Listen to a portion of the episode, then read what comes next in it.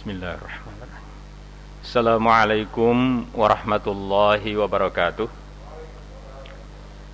Alhamdulillah wassalatu wassalamu ala Rasulillah Sayyidina Muhammad ibn Abdullah wa ala alihi wa sahbihi wa man tabi'a huda.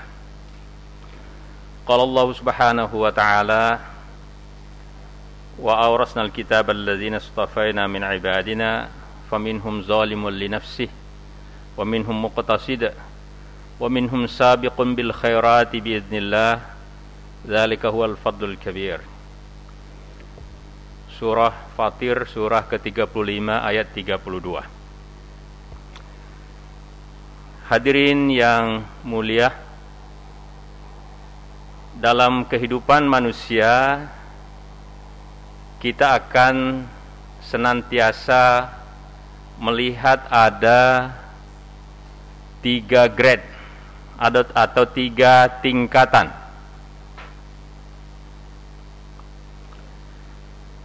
Berdasarkan surah Fatir ayat 32 itu disebutkan ada grade paling bawah.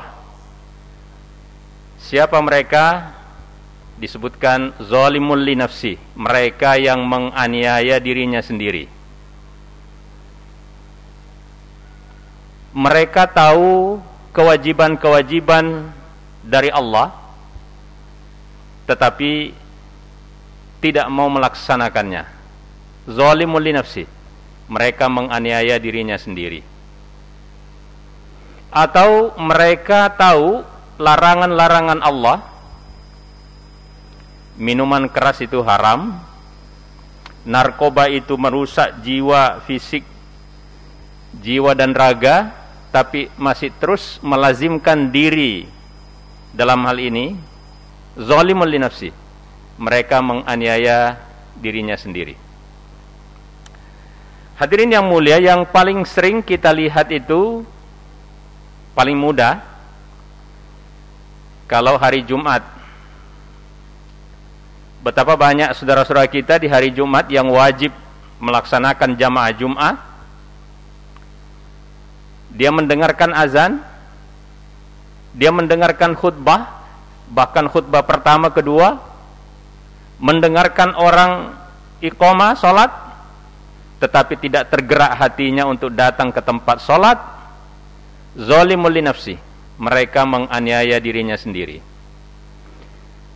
tahu bulan Ramadan bahwa kita diwajibkan puasa tapi enggan melakukannya zalimul nafsi mereka menganiaya dirinya sendiri. Ada grade kedua. Disebut oleh ayat tadi muqtasid. Mereka yang sedang-sedang saja. Dia melakukan tetapi bukan yang terbaik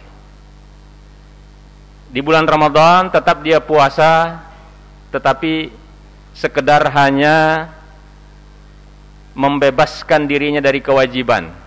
Betul-betul hanya makan dan minum serta hal-hal yang terkait dengan seksual yang tidak dilakukan. Masih melakukan tetapi bukan yang terbaik dia diberi grade muqtasid oleh Al-Quran Ibarat tadi orang pada saat salat Jumat ketika dia mendengarkan azan dalam pikirannya ah masih lama khutbahnya saja belum mulai. Kalau dia berkendara, dia tetap memacu kendaraannya. Sampai mendapatkan masjid, dia dengarkan khutbah pertama dalam pikirannya, ih baru baru khutbah pertama, masih ada khutbah kedua. Dia lanjut lagi Ketika mendengarkan iqamah, barulah dia memarkirkan kendaraannya dan ikut bergabung yang kadang-kadang berada di emperan masjid.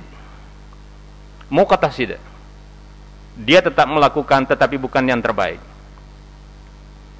Kadangkala berusaha untuk melakukan atau menghindari perbuatan maksiat, kadang-kadang sesekali terjerumus tetapi segera dia bertaubat dan kembali lagi ke jalan yang benar. Ini yang grade kedua. Lalu ada grade yang ketiga. Wa minhum sabiqun bil khairati biiznillah. Mereka yang berpacu dengan waktu dalam melakukan kebaikan-kebaikan. Di bulan Ramadan dia berusaha untuk tilawah bahkan menghatamkan Al-Qur'an dia tarawih, dia zikir, bukan hanya dia mengeluarkan zakatnya, tetapi juga sedekahnya diperbanyak, karena bulan ini adalah bulan keberkahan, bulan yang dilipat gandakan berbagai pahala, sabikun bil khairat. Mereka yang berpacu dengan waktu dalam melakukan kebaikan-kebaikan. Ibarat tadi orang kalau sholat Jumat, pagi-pagi dia sudah ingat hari ini hari Jumat.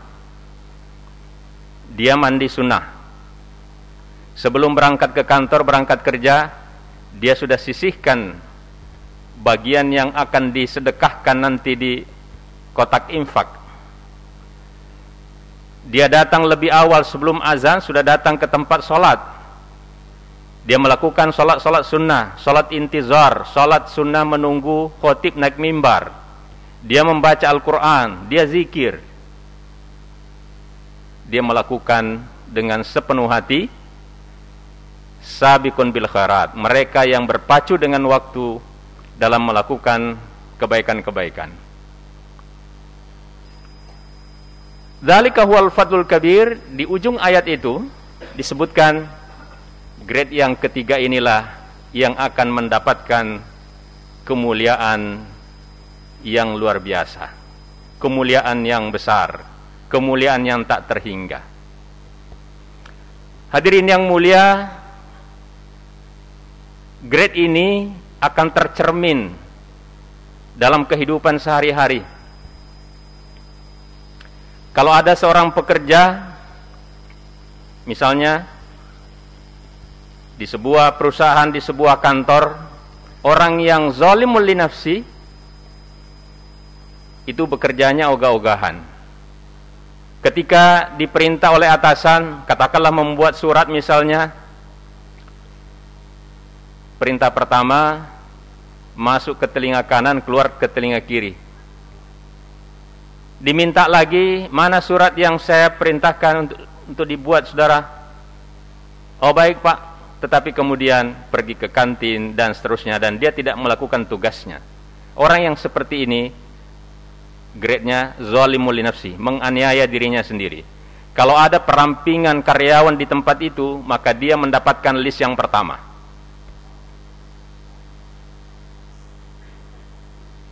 Ada yang pekerja yang grade kedua, mukotasida. Ketika diperintahkan oleh atasan melakukan suatu tugas,